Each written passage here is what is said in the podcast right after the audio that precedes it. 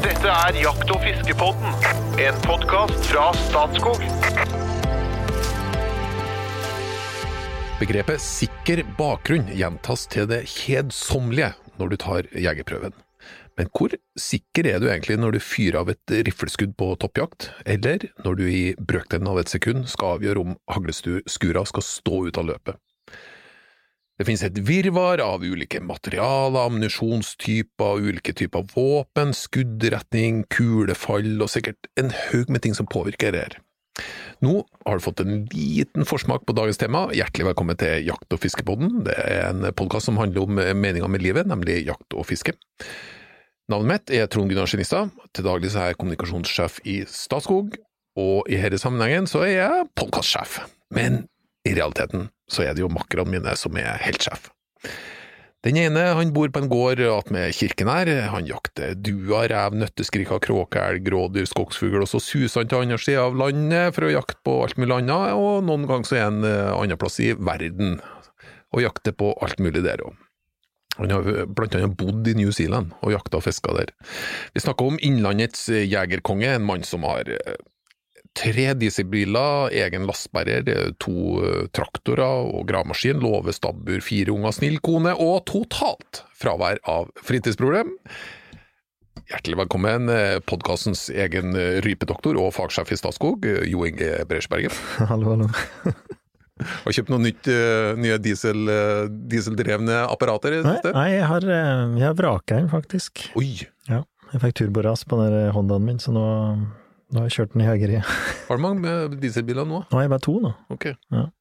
Så det går, jeg går sakte over den eh, fossilfrie verden, ja.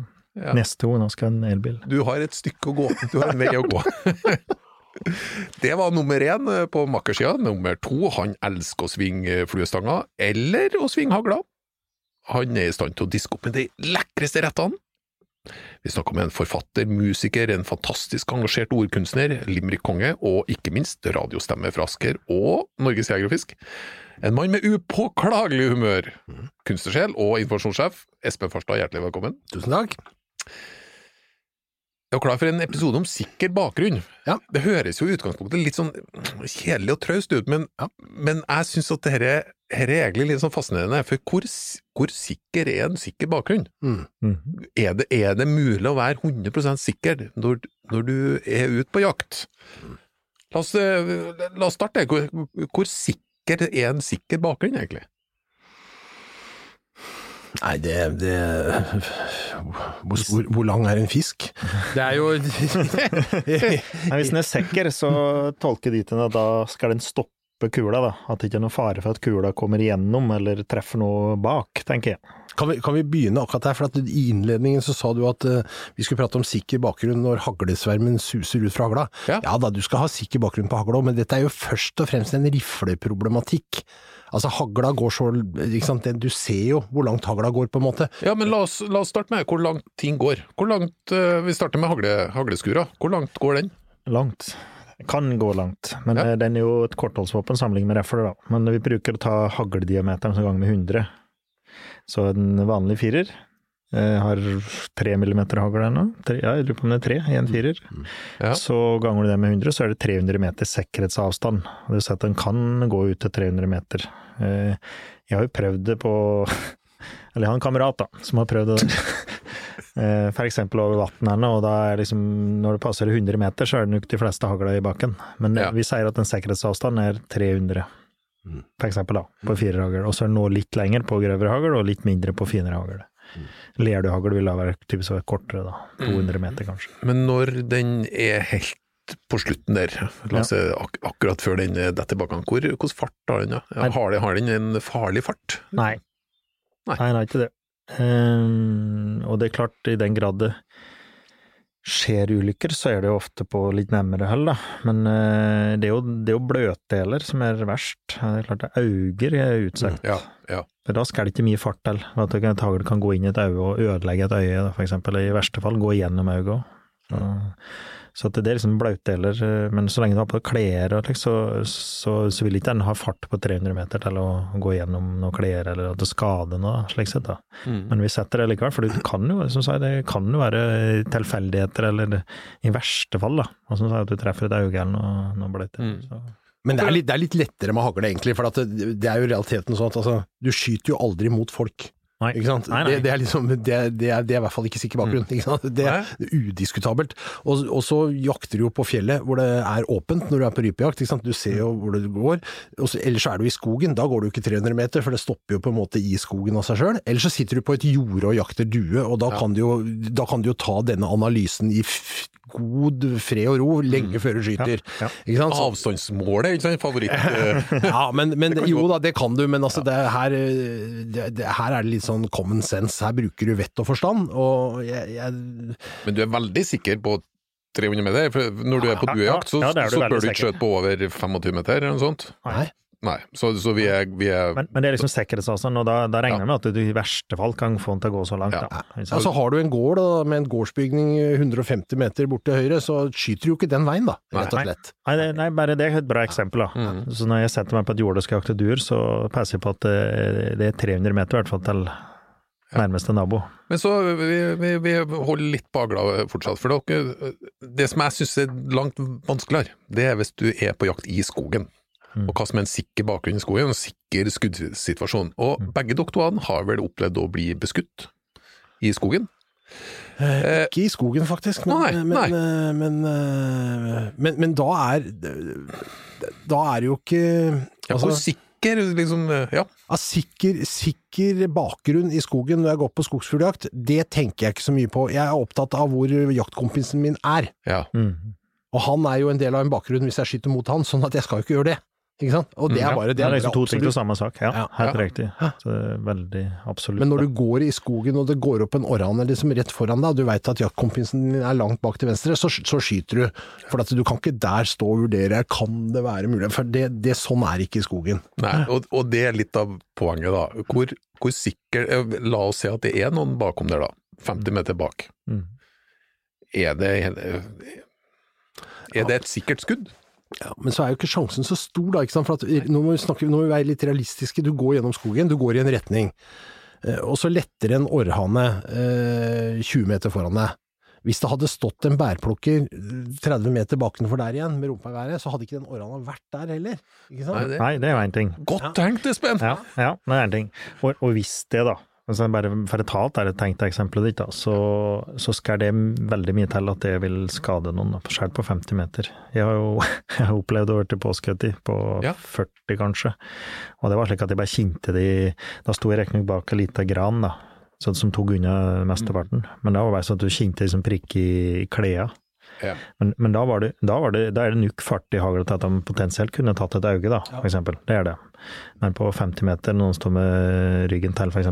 påkledd, så, så skal du veldig mye til at du klarer å få noe hagl inn der, da. Mm. Det tror jeg nok. Så hagle er livsfarlig på korte avstander, Ekstremt farlig på korte hull. eh, men når det begynner å bli en del meter, så blir det ganske fort sikrere. Og når vi jakter i skog, da, som Espen sier, eh, det går på nærene, så er det jo ofte tett skog, og det er noen kvister og Mm. Og, og kvist er ekstremt gode på å ta imot en haglladning.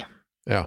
Det har nok Espen opplevd òg, at det flyr opp en nærhånda, og så er den akkurat bak noen kvist når du skuter, og så tar det ingenting, selv om hullet er greit. Og det skulle, han skulle Det har jeg aldri gjort. Nei. Nei.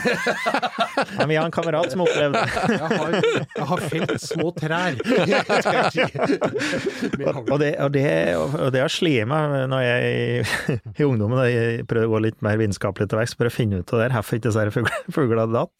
Og så hengte jeg opp da Altså, du tegnet omriss av nærhånda med en blink, og så hengte han bak, og så skjøt hun da med kvist framme. Dette er typisk Jo Inge. Men, han- men han går jo ikke gjennom, vet du. Nei. Det skal fryktelig mye til, og så få hagla gjennom eh, en grankvist som henger, liksom. Den tar unna liksom hele, hele energien. Dessverre, du får den ikke gjennom der. Og dette irriterte meg. Men så kjøpte jeg hund, da. Ja. Eh, og så har vi heller ikke nevnt det med hagl. Vi går jo over i en blyfri framtid, mest sannsynlig. Ja. Og Ja, det, det kan vi bare skrive under på. Dette Det EU kommer med et direkt, ja, de kommer med en forordning, som det heter, som Ja. vi bare må innrette oss etter, fra januar 2023. 2023. Så, så dette er siste høsten vi nå jakter med blyhagl i Norge, sannsynligvis. Ja. Eller ikke sannsynligvis, det er det. Ja. Og det er klart, da andre materialer, for da må vi velge andre materialer enn bly. Og de har andre egenskaper, og stål da, for eksempel, som er et billigere alternativ, men som er mye lettere enn bly, som har litt andre egenskaper, den rikosjerer da.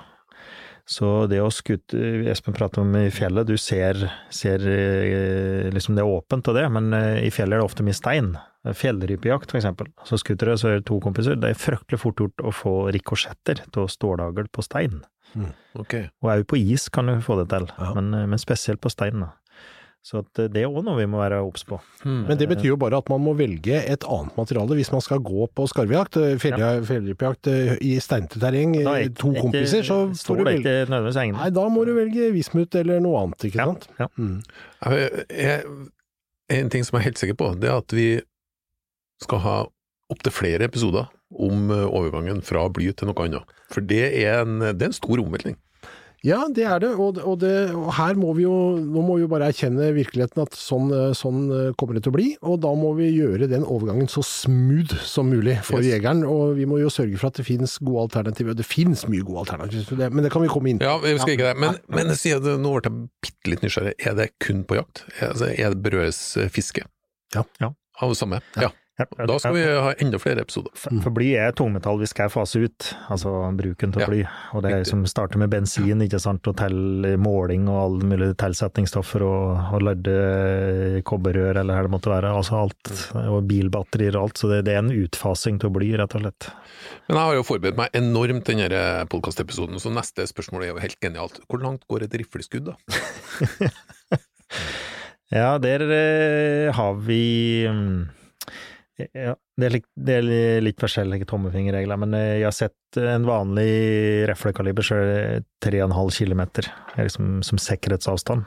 Og da, det vil, 3,5 kilometer, ja. Ja. Ok, nå snakker vi. og så, så at vi da sier, hvis du sier 300 meter på hagle sikkerhetsavstand, 300-350, så er det 3,5 km på reflekule. Jeg, jeg har hørt lenger òg, jeg, jeg har hørt at, altså, det, er, det er sagt at hvis du sikter i, med en vinkel på 45 grader, da tenker f.eks. toppjakt, da. Ja. Ja, du skal være ganske nærme fuglen for å sikte 45 grader, selvfølgelig. Ja, det skal du, men, men hvis du tenkt situasjonen, da, Ja, ja. 45 grader opp, så kan du faktisk gå 5-6 kilometer. Altså. Ja, jeg hørte det òg. Ja. Men eh, vi regner liksom 3,5 som sikkerhetsavstand. Mm. Men, eh, men du kan, kan jo ikke få til det òg. Men da begynner det å bli litt særet sære tilfeller. Det er veldig sjelden du får til 45 grader, da, men det kan jo gå an. Det jo- Men eh, la, oss, la oss si at du tar det skuddet 45 grader, så går det 3-4-5 kilometer. Ja. Eh, må spørre her, hvordan, hvordan fart har det når det kommer ned? Da har den heldigvis eh, liten energi når den kommer ned igjen. Ja. Veldig liten energi. Så at eh, da eh, snakker vi mer den, tyng, den farten den får av tyngdekraften, egentlig da, Ja. Og minus luft, luftmotstand. Ja, og da har den gått lenge, og så mister den veldig mye av energien. Altså, da er den i utgangspunktet ufarlig når den detter ned igjen, men du skal likevel vite hva du driver på med da, da. Og du Ja. kan jo ofte som skutter du med krappere vinkel enn 45 grader, da. nei, altså mindre vinkel enn 45 grader. Ja. Og så, så, så flyr ikke nødvendigvis like langt, men har mer fart, da. Ja. Og da Det har jo faktisk skjedd. Jeg veit at det er dokumentert, i hvert fall ett tilfelle i Finland, av to brødre som var på jakt på teppejakt, eller treskjellejakt, faktisk. Mm. Altså, ene skuter på en fugl, og den andre sitter og hviler. Og så treffer den broren sin i øyet. Og det, er dere, det er ingen andre som har vært i jakta den dagen, og han har skutt på en fugl, og kula har gått igjennom. Og det var samme kaliber, og de klarte å føre den kula tilbake til våpenet òg. Så det var ikke noe tvil om at det var han som hadde avført skuddet. Og det er dere, sannsynligheten for det er jo Det er jo bare tragisk, da, for det første, men sannsynligheten er jo så liten at det, det skal jo ikke gå an, men det, det klarer den faktisk å få til. Da hadde kula nok energi, da. At den, han gikk inn i øyet faktisk og tok livet av brorsen. Ja. Så i utgangspunktet må du bare ta, ta altså dette er jo Jeg har aldri hørt om at det har skjedd noe sånt i Norge, eh, men, men, men utgangspunktet er jo at kula skal ned, Mm. og den er potensielt farlig. Eh, og det er ditt ansvar som jeger å sørge for at eh, bakgrunnen er sikker. Ja. Og det kan jo være utfordrende da, når du f.eks. er på toppjakt. Ja, det var, for det var ganske heftig avstand her. Ja, og da kan man jo si at vi har jo alltid vært opptatt av avstandsmåler, eh, og at det er et viktig verktøy å bruke. Jeg er helt enig i det. Eh, Men kanskje også eh, en GPS eller kart eller et eller annet sånt, sånn at du vet eksakt hvor du skyter hen. Skyter du inn i et stort øde skogsområde, så er det jo greit, liksom, men hvis du vinkler deg litt og, og sender ei kule av gårde som lander i Kongsvinger, så, så er det dumt, altså. Ja, det er det. Ja. Mm. Og det er jo Vi var jo i Finnmarka og så noen vinterområder der. Og det er slik at hvis du har skutt ei kule, så har den havnet i Drammen by, liksom. Ja. Du skal jo vite hva du driver på med. Ja. For, det, for det er jo typisk en ås, for eksempel. Du jakter på en ås, og så er det kanskje bebyggelse på baksida, ikke sant. Og viltloven definerer jo at det er at du skal, være- du skal jakte slik at det ikke er farlig for mennesker, dyr og eiendom, sier. Så du skal vite en kule di ender, så det er ditt ansvar som jeger, da. Men er det noe annet du tenker på? La oss ta, konkrete jaktsituasjoner, da. Eh, toppjakt er jo på en måte Da, da er jeg rett Det i er helt løse lufta. åpenbart en risiko. Ja, for det, det, det anser jeg Det må være det mest krevende. Men så er det sånn Hvilken type bakgrunner er det som stopper ei kule, og hvordan kan man tenke rundt det? Elgjakt for eksempel, på en post. Hvordan tenker man for å Hva er en sikker bakgrunn bak eh, ja, bak eh, skytefeltet, hva kaller det? Ja, eh, og det er jo et veldig bra spørsmål. Inge. Her er det som er sikkert. Og eh, ei greie på elgjakt som er organisert eh, elg og hjort, da, er at vi òg bruker tårn, eksempel. Ja. Det vil jo hjelpe deg at du kommer høyere opp og får en bedre vinkel, og du skutter ned bakken. Og det er ofte er det ganske sikkert, da. Eh, Skutter ned i moder jord, Mhm. løs bakke. Men det er jo samme der, det kan jo være stein der som du treffer, og det rikosjerer. Men det er òg ei greie, da, at du får en bedre vinkel. Eh, Det å skutte rett, slik som danske jakter rådyr, eksempel, på flate jorder, Mm. så eh, så er det ut til dermed gitt at du har, eller Polen er det måtte være, da, så det er ikke gitt at du har en sikker bakgrunn. Da jakter jo med ekspanderende kuler, som vil ekspandere når de treffer bakken, og vil da slik sett enten gå i oppløsning eller eh, miste energien da, når den treffer noe hardt. Men eh, det er jo fryktelig fort at de rikos- rikosjerer, de òg, altså. Og da det er ikke nok bare at du har en, har en skog der, da. Du, du skal ha en bakgrunn da, når du skutter mot, og ikke skutte i horisonten, eksempel. Det kan jo skje på reinsjakt. Mm. Fryktelig fort at rein står i, øh, står i silhuett, eksempel. Ja. Ja, da har vi ikke sikker bakgrunn. Og, og vi skal jo vite at eh, når vi jakter på, i hvert fall på litt nærme, eller skutter på en elgkalv eksempel, så skutter du stort sett gjennom den Mm. med reflekule. Mm. Og en hjort og et rådyr, ikke minst. eh, Vanligvis så skutter du tvers igjennom. Ja, for det er ganske mange som eller, Jeg har hørt en del tilfeller der man skjøt mer enn ett dyr med et skudd. Det kan skje, ja. Og da har du egentlig ikke, da har du ikke gjort jobben din, da. For du, du skal jo vite her som er bak. Og det, det er jo ikke da sikker bakgrunn å skute på et dyr, for da går Nei. kula ofte gjennom. Eller kan gå gjennom. Ja. Altså det å skyte mer enn ett dyr eh, på ett skudd, det er ikke noe å skryte av, altså. Nei, nei, nei. nei. Nei, helt riktig. Ikke i min verden, i hvert fall. Nei. Men jeg hørte Men det, men det sier noe om at eh, det å skjøte dyr, du, du må visst da liksom, rett bak dyret òg. Ja. Ja, selvfølgelig hvis du bommer, men selv om du treffer dyret, så vil, det, vil kula gå videre. Ofte. Og så, og så er det jo slik at vi, vi bor jo ganske grisgrendt som regel, og mye av jakta foregår jo da på, si, på bygda og i ikke nødvendigvis i tett bebygde strøk heller. Eh, og det er klart du sender eh, har skog som bakgrunn, så du, du skal fortsatt vite om det er noen der.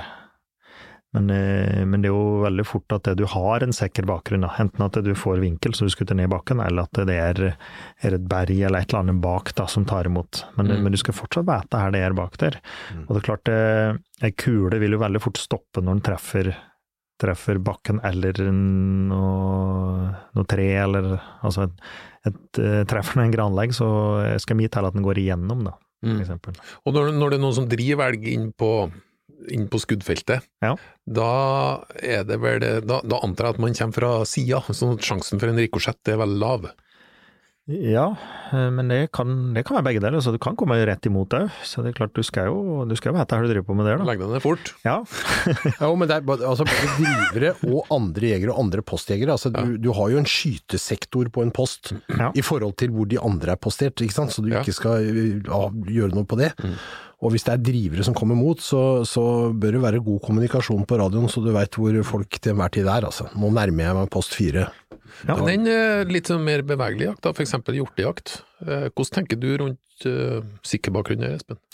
Den, eh, når jeg kommer på altså, Sånn som jeg bedriver hjortejakt bort på Vestlandet, så går jeg jo en hard økt opp lia, og så sitter jeg på post. Og den posten er jo da Da har man jo tid, for der sitter man der og så venter man på hjorten skal komme. Du har sånn Har du skrudd på batteriklærne og så sitter du og koser deg litt? Ikke sant? med så- sitter jeg der, og så, og, så, og så har jeg jo definert eh, hvor jeg kan skyte, og hvor jeg ikke kan skyte. Mm. Uh, og det er ikke noe vanskelig å finne sikker bakgrunn på en post på Vestlandet, men det, det er, du kan også uh, Her er det jo drivere, eh, og det er bratt. Du har sånn ofte at- mer vinkel der Ja, på, du har det. enn du har på Ja. Østlandet på elgjakt, f.eks. Ja. Mm. Nei, men det, Eller det, det, ja da, nei, men det gjelder, det gjelder all jakt, altså. Du må, du må jo tenke på dette. Er, er det sikkert at jeg skyter den veien? Det, er det første du gjør når du kommer på post. Hvor er det Jo Inge egentlig satt seg? Og den posten er der. Her er jo et verktøy som vi har brukt veldig mye. Det er jo WeHunt, eh, og det finnes igjen en annen variant også. Altså en sånn der hvor du ser hvor de andre jegerne på laget er til enhver tid. Det er et veldig sånn sikkerhetsaspekt da, i forhold til, Ja, ja, ja, ja. til dette. da. Mm. Ja. Men du, det er en eh, litt sånn leveregel på dette, vet du. Er du i tvil, så er du ikke i tvil. Nei. Ikke skyt. Mm. Er du i tvil, så er du ikke i tvil. Ikke sant? Det er, da skal du ikke skyte. Men det, Da gjør du heller ikke noe galt, da. mm. Det- Ulike typer høyballer, for eksempel. Mm. Vi har, vi har jo vært inne på luft, eh, som, eh, som har sin funksjon, men eh, så har vi snakka litt om skog, som ikke i utgangspunktet ja, altså På rifle, så er, da skal du tenke, tenke deg godt om. Eh, men enn andre materialer, f.eks. høyballer. ja. Jeg har sett, eh, sett revjakt foregå i tilknytning til høyballer. Ja, ja, slik ja. Mm. Ja, og det er klart, eh, det tror jeg Jeg har jo en kamerat som har prøvd det òg, og det skal mitt til at du får ei kule til å gå gjennom en sammenpress eh, heiball, altså. Det tror jeg ikke Ja. du klarer. Men eh, jeg tror heller ikke bonden vil sette pris på at du sender blykuler inn i, inn i heiball. I den grad de skal brukes til fôr, da. Og det skjer jo det, at Det er et blir brukt til fôr, eller, eller eh, rundballer. Så jeg tror ikke de vil sette pris på det, altså. Men den vil stappe på ei kule, ja. Det er slik sett en, Ja. en effektiv barriere, da. Vet dere forresten hva som er en skuddsikker vest, som gjør at eh, kula stopper? Hva som er i en skuddsikker vest? Ja, hva, hva som gjør at den stopper? Så det er jo, skuddsikker vest er jo veldig, veldig tynn. Ja, det er et sånt der plastisk materiale. Det er egentlig det samme som hvis du bruker eh, Som hvis du tar vann og maismel og rører ut i en sånn suppe i en skål. Så er den Du kan stikke fingeren nedi og røre rundt, for det er bare en suppe, liksom. Men hvis du tar knyttneven og slår hardt på den, så kommer du ikke gjennom. Ok. Da, for da stopper den. Fordi den fordeler trykket utover i hele massen. Mm. Og du klarer ikke å flytte hele massen. Og så så er det noe med flere lag òg. At det er, det er noe kevlar der òg ofte. Så det er, det er flere lag, så du får fordelt energien utover. Men det er visstnok som et hestespark. Ja. Du, eh, for, jeg skal litt inn på sånn eh, For nå har vi snakka vi, vi snakket litt om risiko, men når alt kommer til alt, så må vi egentlig høre Går det stort sett bra, eller går det stort sett eh, ikke bra? Men før vi gjør det, valgets kval. Jeg tror jeg kommer fra en lytter. Uh, Espen først. Alltid gå i kamuflasjeklær, eller alltid gå i signalfarget jaktklær. Alltid kamuflasje, eller alltid signalfarga. Har ikke vi fått det spørsmålet før? da? Det kan være det, altså. Jeg lurer på det, altså. Ja, Og da ble jeg litt usikker på hva jeg svarte. Men jeg, jeg, Det- tror det nok, sånn jeg, tror nok jeg, velger, jeg velger nok kamuflasjeklær, ja. Jeg tror det. Ja. ja. Nei, jeg tror vi må ta kamuflasje, ja. Kan brukes til alt, vet du. Bryllup og fest. Nå ble jeg veldig i tvil om jeg Tør å gå videre. Ja, det kan den eh, Men uh, ulykker, ja. Skjer det Ja. hvor, hvor ofte skjer det egentlig ulykker? For nå har vi snakka om sikker bakgrunn, og det er jo en av greiene som kan skape skumle situasjoner. Nå er det veldig mye sånn rundt våpenhåndtering ellers, f.eks. på hytta eller hvor det skulle være, som oss kanskje er Ja. vel så sterke risikosituasjoner? Det er ingen som kan svare på dette, for det, at vi, det føres jo ikke noe nasjonalt register over, over alle sånne hendelser. Eh, Hendelser som skjer, eh, de fleste blir vel, eh, er vel forhåpentligvis med en ikke skadelig utgang, men kanskje tett på eller nesten-ulykke eller noe sånt, og da får man seg jo en støkk i livet, selvfølgelig. Men hvis det skjer noe alvorlig, hvis man skyter noen, eh, eller et eller annet sånt, så, så blir det jo, kan det jo bli politietterforskning. Men selv da føles det ikke noe register over dette. Dette blir på det lokale politikammeret til å vurdere om dette var straffbart eller ikke, og Mm. forfølges. Så, så har vi jo øh, ulykker med døds, døden til følge. altså jakt, vådeskuddsulykker som, som medfører at noen dør. Det, det skjer jo år om annet, men det er ofte lite relatert, så vidt jeg kan skjønne i hvert fall, til dette med sikker bakgrunn. Altså, eh, det er, det er ofte liksom der misforståelser, at man tror man ser et vilt, og så er det en jeger og sånn. I den grad det er liksom sikker bakgrunn, så er det vel mer disse her, eh, jaktsituasjonene med hagle, litt sånn oppheta fuglesituasjon. Der, der ser vi jo det at folk i tid og mann skyter jaktkompisen, eller Og du Men, nevnte men sjelden dødelig utgang. Eh, Sjelden dødelig utgang, men vi, jeg husker for noen år tilbake vi hadde en veldig tragisk en eh, oppe i Troms. Jeg tror det var, det var en dame som ble drept, som ble skutt med Som fikk ett hagl i øyet Mm. Under rypejakt. Ikke sant? Da var du inne på det du nevnte med bløtdel. Så, så det, det skjer liksom, men, men jeg, jeg vet ikke, det er eh, sikker bakgrunn. Hvis, hvis jaktkompisen din er i, i bakgrunn, så er jo ikke det sikker bakgrunn. Det skjer. Eh, Men, men eh, ja. Men så, jeg, tenker det Og, og det er veldig få, da. Espen sa ikke det, men det er halv dødsulykke i året, liksom. Ja, og mindre enn det, og hvert tredje år. Hvert tredje år, kanskje. Og vi, og vi jakter to millioner, to-tre millioner jaktdøgn i året. Så, så vi skal ikke overdrive den der, altså. Eh, Det, det som sier, det vil Det er svært sjelden det ikke går bra. Jeg vil jo si at, vil jo si at den norske jegeren er seg dette veldig bevisst, egentlig. Ja, det det syns jeg vi skal få fram. Altså, Ja, fordi at, ja, ja. Og, og du ser det på skytterbanene. Det er ekstremt drill på sikkerhet på skytterbaner. Og hvis du veiver med børseløpet der, så får du høre, altså. Sånn at det, det, det ligger litt i ryggmargen, tror jeg. Og jegeropplæringa er veldig opptatt av dette. Når du går opp til jegerprøveeksamen, så får du garantert spørsmål om sikker bakgrunn, eh, og- det terpes på. Og det er bra. Det er veldig bra, og jeg tror det litt, litt men, men så er det noen sånne situasjoner som vi ikke har vært innom, som jeg kan være veldig sånn skumle. Det er jo, har du sikker bakgrunn når du legger i eh, patroner, noen, når man tar ut patronene etter endt jaktdag, altså inn, ut og inn av bilen, altså de derre hverdagsbevegelsene med, med, med våpenet, som ikke akkurat er når du har satt deg på post, men, men ellers, der, der syns jeg nok at vi hører tid om annet om at det går, så går av et skudd, og det kan gå gjennom bildører, og det kan liksom, ikke sant? Det det, er jo- Det er skrekken, altså. Ja.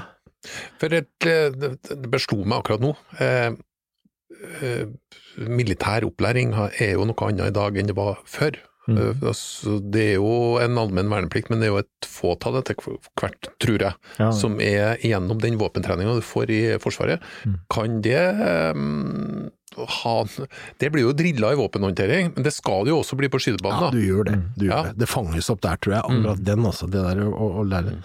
Så Det er jo mer allmenn, den våpenopplæringen vi fikk i Forsvaret, da. Men uh, på skuterbane, det blir alle drillet. Og det er noe vi har jo hatt uh, mange ungdommer på uh, og lært opp i å skute på blink, da. Og det, det, det er jo det første vi starter med. Mm. Det tar unga fryktelig fort. Og passe på hverandre og slik. Og det, det, er liksom, det, det er aldri et tema heller, at det, det er noe tull der. Og det, det er jo bare å se på Nå er jo konkurranseaktiviteten i Jeger og Fisk og DFS er jo fortsatt eh, veldig stor. Det er jo en felkesport i Norge.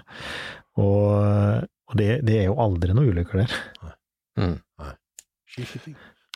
Aldri. Skal vi begynne å nærme oss eh, landing, men jeg har så lyst til å sveie innom et eh, lite lytterspørsmål. Men, det- men det, blir sånn, en, en liten sveip, sveip innom, for det, er en som har en liten eh, såkalt gordisk knute her, som jeg synes er litt artig. Men eh, dere har nok fått prøvd dere på det. Jonas Eide Brenden. Nå må huske på Jonas at du sender info, sånn at du får eh, verdens lekreste T-skjorte. Hei! Hvordan skal en ivrig jegersjel balansere et hektisk småbarnsliv med jakt? Og så parentes konkret, eh, jeg er primært fuglejeger med hagle og rifle, pluss ivrig fluefisker. Så, sånn. Hektisk småbarnsliv pluss fuglejeger og riflejeger og fluefisker. Ja. Det kan jeg svare på med en limerick. Det passa veldig godt! Nå ble jeg imponert, Ja. Den er litt på kanten, men eh, vi, vi har lov til det, har vi ikke det? En, en, den, det er den, han, Nå er jeg litt redd. Ja, jeg, jeg ser at mine makkere nå trekker seg litt unna mikrofonen, det skjønner jeg. Det handler akkurat om samlivet mellom jakt og samlivet der hjemme. En smygende snikjeger ifra Drammen brukte alle kvelder til beverjakt ved dammen. Han syntes jakta var topp, helt til kona sa stopp, hun sa det blir ikke mer bever fra madammen. Den var jo, den var jo fin, da. Ja, det var vel Nei, det hvordan man skal balansere det, dette blir jo så individuelt, bare for å si det rett ut, altså. Du skulle jo tro den var laga på oppdrag, vet du. Ja, Nei, det, og det var den ikke! Nei, men uh, det aner meg jo at denne problemstillingen kommer opp for flere enn en, enn, enn oss. Nei, dette Vi har vel faktisk også snakka litt om det tidligere, men altså, det beste rådet er jo kan man ikke prøve å få med seg kona på noe av dette her, sånn, sånn at hun skjønner lidenskapen, eh, og at hjertet banker der ute også, ikke bare i forholdet? Var det et dårlig forslag, syns du? Nei, det har vi faktisk vært inne på tidligere, ja. Få, få dem med. Det, det, det er et godt uh, det, Jeg tror det var noe med hund òg, vi var inne på noe. Ja. Den. Vil, Det er godt, jeg vil eh, det er godt forslag. det sterkeste. Men ikke bare kona, kanskje?